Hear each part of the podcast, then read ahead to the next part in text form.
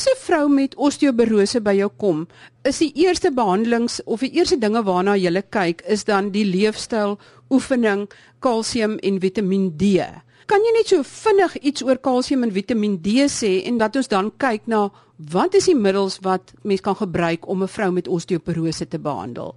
Wat betref die inname van kalsium, kalsium is baie belangrik vir been omdat dit die hoofminerale agentes waardeur been gemineraliseer word sodat die inname van kalsium wel van belang is. Dis egter maklik om uit te werk hoeveel jy inneem deur jou dieet. Daar's verskeie tabelle beskikbaar, onder andere op die internet as jy net intik daarso die Engelse naam calcium calculator en jy kan uitwerk hoeveel kalsium jy in jou dieet inneem. Indien jy 'n redelike goeie inname van suiwel het, behoort jou inname uit dieet uit amper al genoeg te wees en jy wil dit graag in die vlak hê van 1000 tot 1200 mg elementêre kalsium toevoeging is net nodig indien jy nie hierdie vlakke bereik uit jou normale dieet nie. So doen gerus die moeite, werk uit hoeveel jy inneem deur jou dieet en neem net by wat nodig is, want te veel kalsium kan moontlike nadelige effekte hê.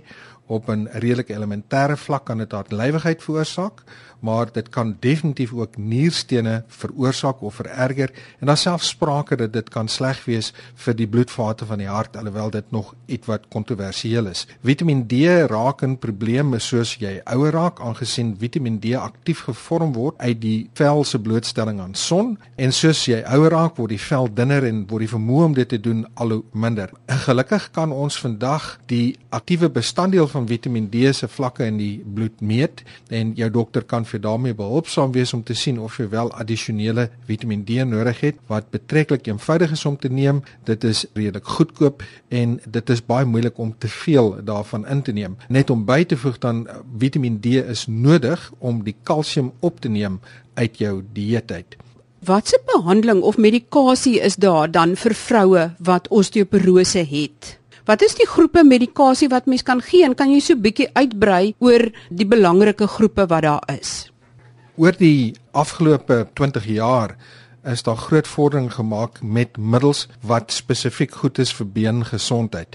Om die werking van hierdie middels te verstaan, moet mense 'n bietjie weet van hoe die been sy huis in stand hou. En die been doen dit deurdat ou been weggeneem word en vervang word met nuwe been. As mens osteoporose het, word hierdie verhouding nadelig beïnvloed en word meer been weggeneem as wat nuwe been toegevoeg word. So die eerste lyn van middels wat ons het, is middels wat die selle inhibeer, die sogenaamde osteoklaste wat ou been wegneem en as jy dit doen dan herstel jy die balans tussen formasie en resorpsie. Die algemeens gebruikte groep van middels hier is die sogenaamde bisfosfonate en dit word in Suid-Afrika ook by verre meer gebruik as enige ander middel. Die bekendste middel hierso het die generiese naam van alendronate wat eers net as pille wat jy daagliks moes inneem beskikbaar was, maar nou is dit slegs nodig om dit een keer per week te neem. Daar is verskeie kwessies in verband met hierdie middels wat mens van moet kennis neem. Die eerste een is dat dit op 'n baie spesifieke manier geneem moet word. Anderste sal dit nie geabsorbeer word nie. Jy moet oornag vastend wees en dan moet die middel ingeneem word met 'n vol glas kraanwater, nie bottelwater nie, kraanwater, waarna jy vir 'n halfuur regop moet bly, maar steeds vir 'n uur vastend. En die rede hiervoor is dat as jy dit nie vastend inneem nie en daar's ander voedsel in die maag, dan sal dit die absorpsie van hierdie middel omtrent uitkanselleer.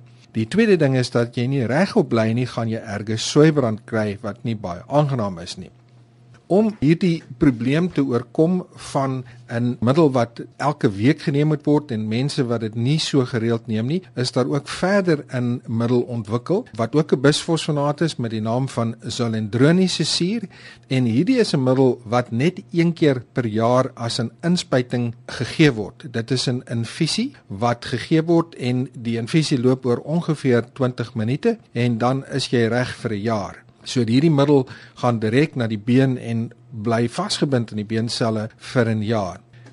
Daar is 'n paar kwessies in verband met hierdie middels en die vraag wat ons seker die meeste kry is die gebruik van generiese medisyne hierso. Nou generies beteken dat dit 'n middel is wat dieselfde molekulêre struktuur het en wat die medisynebeheerraad goedgekeur het as dat dit dieselfde effek sou hê as die oorspronklike middel en hierdie middel sal dan vir goedkoper as die oorspronklike op die mark verskyn. In terme van beenmiddels is die saak egter nie heeltemal so eenvoudig nie en in die wêreldliteratuur word daar verskeie vrae gevra oor of in hierdie spesifieke toestand generiese middels wel dieselfde is as die oorspronklike. Ons moet net altyd onthou 'n generiese middel hoef net 80% so goed te werk as die oorspronklike of minder as 120% en daardie 120% verwys dan na die vermoë van die middel om nie neeweffekte te veroorsaak nie. In Europa is daar 'n publikasie wat redelik gereeld aangehaal word om aan te toon dat meeste van die generiese middels meer neeweffekte veroorsaak so die pasiënte dit minder neem. En hoe minder hulle dit inneem, natuurlik hoe minder is die effek daarvan sodat in Suid-Afrika die pasiënt maar baie mooi moet kyk na die verskil in prys tussen die generiese middel en die oorspronklike en self haar ingeligte besluit moet neem watter een van hierdie se wil gebruik.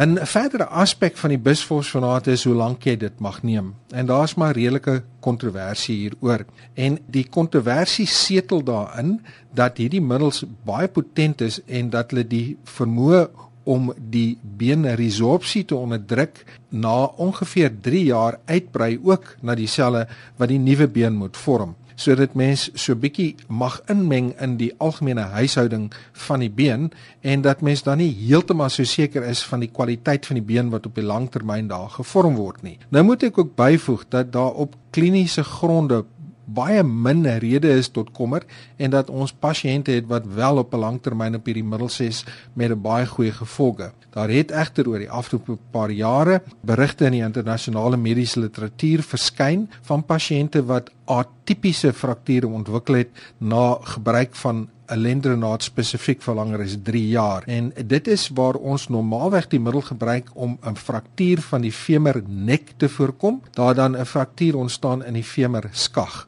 Maar hierdie gebeur teen 'n baie lae frekwensie. Ons is steeds nie 100% seker of daar 'n direkte oorsaaklike verband is nie. En as mens op balans moet kyk sal mens baie baie meer frakture van die femur nek voorkom as wat jy moontlik dan as die teorie reg is sal veroorsaak van die femurskag. So ek dink ons van die Nasionale Osteoporose Stichting van Suid-Afrika se kant af beveel aan dat mens na 3 jaar net die hele saak in heroorweging neem indien die beenminerale digtheid herstel het tot in aanvaarbare vlakke en die pasiënt nie reeds gefraktuur het nie, kan mens 'n sogenaamde middelvakansie oorweeg. Dit sal egter alles afhang van wat die pasiënt se risiko vir fraktuur is en daar is nie 'n algemene reël wat daar neergelê kan word nie. Hoe werk dit dat jy 'n middel eenmal 'n jaar kan neem en dan hou dit vir 'n jaar? Dit klink hom na wetenskapfiksie. Die wetenskaplikes wat hierdie middels ontwikkel, raak baie slim. Hulle vat die aktiewe bestanddeel en dan sit hulle syketTINGS aan wat maak dat die middel aan die been vassit. En wanneer mens hierdie middel een keer 'n jaar neem, is dit asof jy die hele beenoppervlakte verf met hierdie middel. En dan soos die been aangaan met sy normale aktiwiteit sal hy gedeelte van hierdie middel gebruik, maar daar sal genoeg van hierdie verf op die been wees om vir ten minste 'n jaar te hou.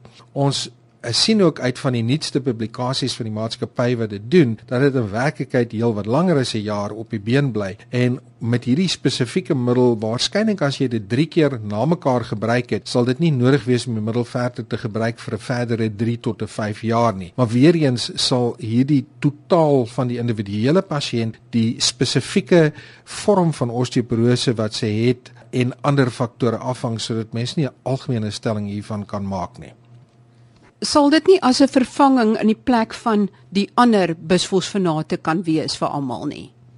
Mense moet net onthou dat dit is maar net verskillende maniere om dieselfde effek te bereik. Sodat indien 'n pasiënt selfs die eerste vorm van die bisfosfonaat wat op 'n daaglikse dosering was. Indien die pasiënt dit gebruik elke dag vir 365 dae 'n jaar of die weeklikse vorm vir een keer 'n week of oor see ook 'n maandelikse vorm een keer 'n maand sal dit teoreties net so goed wees soos die ander middel wat jy een keer per jaar inspuit. Maar dis natuurlik baie minder moeite en veral vir pasiënte wat ouer is en wat klomp ander pille neem, is dit gerieflik om nie nog 'n pil te neem nie. Maar alles kom altyd met 'n bietjie van 'n prys en omdat dit meer kos en mens in een hou moet betaal vir die inspuiting, is veral van die mediese fondse nie so gretig om dit as 'n eerste roep toe te laat nie. Maar is daar enige gevare aan hierdie inspuiting inspuiting verbonde. Daar is 'n geringe kans dat die pasiënt wat ons noem griepagtige simptome kan kry vir die eerste dag of 2 hierna. Dis egter maklik hanteerbaar met net gewone anti-inflammatoriese middels. Hierdie inspuiting en bisfosfonaat oor die algemeen mag egter nie gegee word aan pasiënte wat 'n nierversaking is of 'n ander vorms van niersiekte het nie, aangesien 'n groot gedeelte van hierdie middel uitgeskei word deur die niere en indien daar probleme met die niere is, sal hierdie middel nie uitgeskei word nie en dan kan dit wel neeweffekte hê. Ons moedig aan dat hierdie pasiënte voor hulle die middel kry ten minste 'n nierfunksietoets ondergaan en dat hulle op die dag van die inspuiting 'n goeie orale vloeistofinname handhaaf. En dan is daar natuurlik die kwessie van die gesondheidswaarskuwing oor Protos. Die generiese naam is Strontium ranelate. Dokter De Villiers, wie kan nou nog hierdie middels gebruik want dit is eintlik soos wat ek verstaan 'n baie doeltreffende middel teen osteoporose en wie moet dit glad nie gebruik nie? Strontium ranelate is 'n baie nuttige middel in die gebruik van pasiënte met osteoporose. En die rede is dat dit 'n effe unieke middel is in die sin dat dit beide die selle wat been absorbeer in die beer sowel as die selle wat nuwe been maak stimuleer. En daar is geen ander middel beskikbaar wat aan beide hierdie twee kante van die probleem werk nie dit word versprei in 'n poeier vorm in die dosering van 2 mg en dit moet elke dag geneem word en die pasiënt moet 2 uur vastend wees voor sy dit neem en vir nog 'n 2 uur vastend nadat sy dit geneem het. Maar met hierdie middel kan sy plat lê aangesien daar nie 'n effek is van esofageale irritasie nie. In alle middels wat beskikbaar is, sal daar altyd aangaande veiligheidsstudies gedoen word. En dit is die waarde van 'n stelsel waar mense medisyne beheerraad het wat kyk na die voortdurende effek van die middel en altyd die voordele teen die moontlike nadele opweeg. In die geval van strontium ranelate het die Europese medisyne kommissie gevra dat hulle moes kyk na al die studies wat in verband met hierdie middel gedoen was. Nou moet daar bygevoeg word dat in die individuele studies wat gedoen was en dit was eers op dames net met osteoporose van die ruggraat dan vir die voorkoming van osteoporose van die heup en ander frakture en dan was daar ook groot studies op mans gewees en toe was daar 'n baie groot studie wat gedoen was waar die middel gebruik word in die behandeling van osteoartritis wat heeltemal 'n ander siekte is maar waar dit ook 'n voordelige effek het. Nou in die rapportering van hierdie individuele studies was die veiligheidsprofiel van hierdie pasiënte baie goed gewees op hierdie middel, maar was daar reeds 'n waarskuwing gewees dat dit nie gebruik moet word in pasiënte met bekende stollingsafwykings nie. Dit is nie 'n onbekende ding nie. Dit geld byvoorbeeld vir alle hormoonterapie wat ons ook gebruik in osteoporose daar was spesifiek nie enige effek gevind op die hart of kardiovaskulêre siektes in die individuele pasiënte nie. Toe hulle egter al die studies bymekaar gegooi het en nou is daar baie groter groepe van pasiënte waarna gekyk word, het hulle gevind dat daar wel 'n groter risiko is vir die hart, maar in spesifieke pasiënte. En dit is pasiënte met verhoogde bloeddruk wat nie behandel word nie of pasiënte wat reeds 'n hartaanval gehad het, met ander woorde met 'n bekende hartprobleem. En basies al wat hulle gesê het is dat mens moet oppas vir die gebruik van hierdie middel by pasiënte wat voldoen aan hierdie risikofaktore wat in werklikheid 'n baie klein groepie van pasiënte is.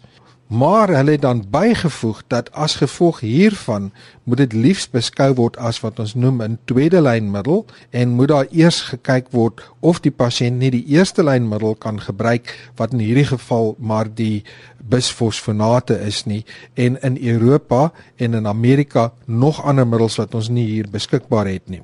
Indien ons egter verder kyk na die gebruik van strontiumgranulaat, sien ons dat dit in baie spesifieke kategorie van pasiënte werk waar die ander groepe nie eintlik bewys het nie. In die een groep hier is die pasiënt wat sogenaamd net osteopenies is, maar nog nie osteoporoties is nie, maar wel 'n verhoogde risiko vir fraktuur het. Die enigste ander middel wat hier werk byvoorbeeld is estrogen, hormoonvervangingsterapie. So ek sou sê dat in 'n pasiënt met osteopenie dit nog steeds as 'n eerste lyn middel beskou kan word. 'n Ander kategorie waar dit duidelik werk is in die baie ouer pasiënt waar ons nie soveel data het van van die ander middels en spesifiek van die vroeëre bisfosfonate nie. So op die ou einde van die dag is my persoonlike opinie dat dit altyd gerusstellend is dat die owerhede vir ons hierdie dinge goed dophou en bewus maak daarvan, maar ek beskou strontiumranulaat steeds as 'n baie nuttige middel wat 'n baie spesifieke plek het in die behandeling van osteoporose. Indien jy 'n pasiënt is wat hiermee behandel word en u gelukkig is op die middel en dit die gewenste effek op die been het, moet u dit aan die oordeel van u praktisyn oorlaat of u voldoen aan hierdie baie klein kategorie van pasiënte waar die kardiovaskulêre moontlike neeweffekte groter is as die voordele op been. Daar's nog ander middels wat ook gebruik word vir die behandeling van osteoporose. Ons gaan dit nou nie vandag in diepte bespreek nie, maar noem net vinnig dat die luisteraars kan weet wat dit behels. 'n baie effektiewe middel veral in die jonger pasiënt vir op risiko vir fraktuur is eenvoudige hormoonvervangingsterapie. Estrogen indien jy nie meer 'n uterus het nie en estrogen plus progestogen indien jy nog 'n baarmoeder het. En dan is daar ook die selektiewe estrogen reseptor modulators wat ons oor die algemeen in die effe ouer vrou gebruik omdat dit nie warmgloede verminder nie, dit kan selfs dit 'n bietjie meer maak terwyl die hormoonvervangingsterapie sal bykomend ook nog die warmgloede hanteer. En dan het ons ook nog 'n middel wat suiwer beenstimulasie uh, bevorder met die naam van teriparatide of PTH. Dit is 'n middel wat mense soos insulien elke dag subkutaan moet inspuit vir 'n 18 maande tydperk. Dit werk ongelooflik goed, maar dit is ongelukkig baie duur en daarom moet die graad van osteoporose reeds so erg wees om die gebruik van so duur middel te regverdig. Dan is daar nog applikasies wat in is by die uh, medisynebeheerraad van wonderlike nuwe middels, maar ongelukkig is dit nog nie goedgekeur in Suid-Afrika nie. Wat is sistiese fibrose? Maar die sistiese fibrose is 'n genetiese siekte en ironies genoeg dis die algemeenste genetiese siekte in blankes in Suid-Afrika. Maar dit beteken egter nie dat dit nie ook in ons swart populasie sowel as ons gemengde populasie um, gekry word nie. Inteendeel, ek dink ons onderskat hoeveel van ons gemengde populasie en ons swart populasie van sistiese fibrose um, aan sistiese fibrose ly. Maar sistiese fibrose is basies 'n siekte wat al jou sekrete in jou liggaam. Met ander woorde, al die slijm, al die die die sweetkliertjies in jou liggaam aantas en dan kry jy baie dik sekrete en omdat jy baie dik sekrete kry, maak dit jou meer vatbaar vir infeksies en as gevolg van die infeksies kry jy baie skade veral dan aan jou longe. So dit is klassiek kinders wat eintlik maar met baie longprobleme sukkel en opeindig met pneumonie en longontsteking in die hospitaal. Jy sê dit word dalk onderskat. Wat is die insidensie min of meer? In die Suid-Afrikaanse blanke populasie, dink ons dit ongeveer 1 in 2800. So dis eintlik baie algemeen. In ons gemengde raspopulasie 1 in 10000 omtrent en in ons swart populasie 1 in 33000. So dit is eintlik baie algemeen en ek besef dit nie want ek dink ons mis baie van hierdie pasiënte. Die gevolg van die fout in jou liggaam, die genetiese fout is dat jou slaimsekresies baie dik is. Maar wat is die genetiese fout? So wat gebeur is daar's 'n probleem met die proteïen wat jou natriumkloriedkanaaltjies moet laat werk.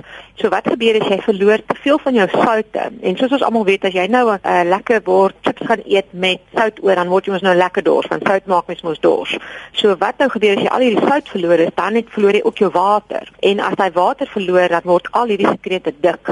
So dit is eintlik 'n defek in jou um, natriumkloriedkanale en waar kry jy natriumkloriedkanale? Jy kry dit in jou sinus, jy kry dit in jou longe, jy kry dit in jou lewer, jy kry dit in jou pankreas of dit in jou darm en in jou voortplantingsorgane en dan natuurlik waar die algemeenste is die die mamas wat seefkinders het altyd vir jou sê hoe hulle proe sout want jy het natuurlik in jou vel het jy natriumkloried kanale so dis klassieke kinders wat verskriklik sout proe en hulle hulle kan soms self dehydreer want hulle verloor al hulle water en al hulle sout So wat gebeur is as jy nou 'n babatjie verwag, die babatjie kry mos nou die helfte van hulle genetika van die ma en die helfte van die pa. En jy moet een mutasie kry van mamma en een mutasie van pappa. En as jy al twee het, dan beteken dit daai mutasie veroorsaak dat daai proteïen wat daai kanaaltjie maak werk in 'n sekere mate die klassieke vorm glad nie werk nie en dan is daar vorms waar daar 'n ligter vorm van sistiese fibrose. Byvoorbeeld, jy kan as 'n man net sukkel met fertiliteitsprobleme en niks anders dan nie, maar dit is ook 'n vorm van sistiese fibrose. So daar's spektrums van sistiese fibrose, maar ja, jy moet die helfte van mamma kry en die helfte van pappa, so jy het eintlik twee mutasies nodig om die siekte te kan hê. Ons gee hulle insieme Ja. want jy het 'n um, ensiem in jou alvleisklier of in jou pankreas wat afwesig is want hy word nou dis dis ook maar afskeiding so dis ook slijm wat afgeskei word maar dit is 'n ensiem en daai ensieme raak dan natuurlik nou in 'n gebrek en dan kan jy nie jou proteïene verteer en absorbeer nie so ons gee hulle wat ons die leuke term vir die pasiënte en soms vir die dokters ook kon sê ja het jy jou ensieme geneem maar dit is 'n vervanging die handelsnaam is Creon en dit is 'n ensiem wat hulle dan saam met elke maaltyd moet neem om eintlik hulle kos te kan verteer en te kan absorbeer. Want hierdie is gewone kinders wat ook wangevoed is, want hulle kan nie hulle kos verteer nie. Dit so alles word basies ingeneem en amper direk uitgeskei. Wat is die simptome wat die kinders na jou toe kom? Dit is klassieke kinders wat met longontsteking sukkel of pneumonie. Dit is klassieke kinders wat nie goed groei nie. Hulle sal die mamma sal vir jou een, een van twee scenario's vertel of hulle sal verskriklik eet asof hulle vir die eerste plek eet, maar hulle sal nooit die gewig optel nie. En dan sal die geskiedenis ook weet dat hulle verskriklik olierige stoelgange want al daai vette en die olies wat hulle nie kan absorbeer nie word uitgeskei en dit is so baie sleg ruikende stoelgange. Partykeer is dit selfs bleek stoelgange. En dan kry jy die ander scenario waar die mamma sê die kinders wil net nie eet nie, hulle het geen eetlus nie, maar hulle groei ook natuurlik nie. So dit is die klassieke simptome, is daai bors simptome en dan die wanabsorpsie en die onvermoë om te gedei. Dan kry jy natuurlik soos sê die ander minder ernstige simptome soos die sinusitis wat hulle kan kry. Klein babatjies kan soms ehm um, gebore word waar hulle nie daai mekonium, daai donker stoelgang wat 'n uh, babatjie uitskyn net as hy gebore word in die eerste paar dae Ja. Baie keer skei die sistiese fibrose leiers nie daai stoelgang uit nie. Ons noem dit meconium ileus. En um, hulle kan dit soms voordat die baba gebore word al optel op sonar, maar partykeer word ongelukkig eers opgetel as die baba 'n paar dae oud is want dan kom die susters natuurlik en sê o, maar jy het nog nie stoelgang passeer nie, wat gaan aan? En dan begin hulle kyk en dan begin hulle besef o, maar die baba het eintlik meconium ileus en dan is dit 'n klassieke teken om te gaan kyk vir sistiese fibrose. En kan mens dit voorgeboortelik diagnoseer met genetiese toets of nie? Ja, jy kan sê nou maar as jy mens onthaalwe ek sou besluit om die dag te gaan trou. Ek weet in my familie is daar 'n spesifieke mutasie, dan kan ons gaan toets vir my sowel as my potensiële man. Sê nou maar jy is al reeds swanger, kan mens amniosintese gaan doen en natuurlik kan mens dan besluit of mens 'n terminasie gaan besluit of nie, maar dit is natuurlik 'n persoonlike keuse. Die behandeling met die ensiem los dit die probleem op. Nee, glad nie. Dit is basies net 'n simptoomverligter. So die groot probleem is natuurlik as jy almekaar hierdie infeksies gaan kry en jy het geen weerstand in die vorm van 'n bietjie reserve met gewig nie, dan as hierdie hierdie pasiënte gesiek word, hulle raak heeltemal uitgeteer en naderhand gaan hulle maar ongelukkig dood as gevolg van wanvoeding. So as jy hulle insiemvervanging gee, daar's 'n direkte verwantskap tussen longfunksie en goeie gewig. So ons probeer altyd ek dink die luisteraars sal seker weet wat is 'n BMI. Almal praat van 'n body mass index. En ehm um, ons gebruik 'n afsnypunt van omtrent 19 in ons volwasse pasiënte. Kinders is natuurlik moeiliker om om voor te mik want daar's 'n goeie literatuur daar buite wat wys as jou um, BMI 19 is, dan jy 'n goeie longfunksie in beginsel. So hoe beter die gewig, hoe beter is jou uitkoms, hoe beter is jou longe. Dis deel van 'n baie komplekse behandelingsregime, maar dit los nie die probleem op nie. Dit maak net jou uitkoms beter. As iemand nou na jou toe kom met sistiese fibrose, hoe sal jy daai kind behandel en het hy 'n kans op 'n goeie normale lewe of wat is die gevolg van sistiese fibrose? Die groot probleem is in Suid-Afrika is ons laat diagnose want ons probleem is die kinders kom te laat uit by ons en ons diagnose word te laat gemaak. Met ander woorde, die skade is al reeds gedoen. En dan is dit natuurlik baie moeilik om van daar af net beter te gaan. So hoe vroeër die diagnose, hoe beter. So as ek nou 'n kind sou kry sou ek onmiddellik natuurlik diagnose bevestig, diagnose is bevestig, dan is daar 'n aantal goed wat ons nou moet gaan kyk. Wat se stelsel is aangetast? Is die bors sleg? Is die neus sleg? Hoe lyk sy vertering? En hoe lyk die gewig? Want natuurlik dit is ons ons groot dryfveer om my gewig op te kry. En as die long baie skade het, moet ons baie aggressief wees.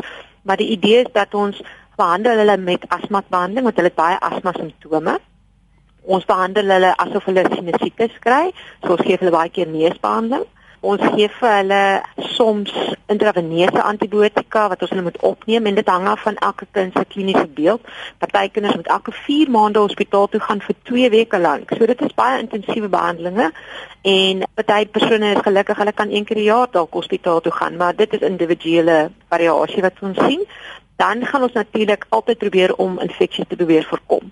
En dit beteken hulle moet altyd 'n griepinspuiting kry. Daar's natuurlik ander soos die Prevenar immunisasie wat ons deesdae nou het, gee ons ook vir hierdie kinders en ons probeer fisioterapie doen om haar longe skoon te hou om haar slijm uit te kry. As jy skoon longe het met minder slijm, is jou kans op infeksie minder en natuurlik is jou longfunksie beter, so met ander woorde jy leef langer. Dit is baie moeiliker gedoen as wat ons dink ek probeer soveel as moontlik motiveer maar ek dink dit is dit is baie harde werk en dit is baie moeilik om van iemand te verwag om twee keer 'n dag vir 'n halfuur lank sy medikasie te nebuliseer, sy fisioterapie te doen en dan nog lewe te hê want op die einde van die dag kan hierdie pasiënte 'n goeie vol lewe hê as hulle longe gesond bly. Daar's geen rede hoekom hulle nie tot in hulle 40s en 50s kan leef nie.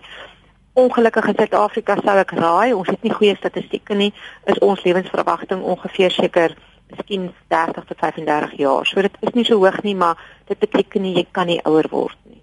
As jy nou sê as dit te laat gediagnoseer word, dan is daar klaar skade aan die long. Watse tipe skade is dit en kan dit glad nie omgekeer word nie? So, ehm um, die skade wat hulle kry noem ons bronchiektase. Dit beteken dat die long se weefsel heeltemal sy uit soos 'n sakkie begin word. So as mens nou dit wil vergelyk, jy vat 'n ballon en as jy nou die ballon al 20 keer opgeblaas het, dan begin hy mos nou half so half pap hang. So dis maar basies wat in die long gebeur. So daai long se blaasies raak heeltemal so pap en hy raak 'n lekker ehm um, reservoir waar daai slijm kan gaan lê. Maar gelukkige goeie ding is ons kan as ons die infeksies probeer onderdruk en probeer voorkom, kan ons die skade beperk. Ongelukkig met sistiese fibrose kry hulle baie keer organismes wat ons bitter selde oor die lang termyn heeltemal kan voorkom. En daai organismes hou aan met groei en dis hoekom ons gereeld hierdie intraveneuse antibiotikas doen want ons kan nie die organisme altyd verwyder as hulle ouer pasiënte is nie, maar um, ons kan ten minste die groei onderdruk. So in ander woorde ons vertraag net die proses. En ons probeer so veel tyd wen as wat ons kan totdat ons darm eendag 'n um, genesing kan kry. En ek glo die genesing is om die draai daar's geen vaksin of 'n spesifieke middel wat hierdie siekte kan stop of keer nie. Op hierdie stadium is daar vir 'n spesifieke mutasie. Ons het um, wat ons van bewus is, het ons omtrent 5 pasiënte in Suid-Afrika. Alhuidiglik is daar een pasiënt op hierdie middel en die resultate is ongelooflik belovend. Dit lyk lyk baie baie goed. Maar soos ek sê, dis een van die rarer mutasies. Um, klassiek meer die Joodse mutasies, maar um, daar's baie in die pipeline. Die Amerikaners is besig om ongelooflik hard te werk en ons dink daar gaan iets binnekort kom. Ek sê altyd vir die pasiënte werk hard, doen wat jy kan doen, hou jou longe gesond want dit is om die draai. Dis is fantastiese nuus vir 'n siekte wat baie van die pasiënt verg baie om so gesond as moontlik te lewe. Dit is dan al vir die week. Volgende week gesels ons oor endometriose en die week daarna oor fibromialgie. So moet dit nie misloop nie. Tot volgende week dan. Totsiens.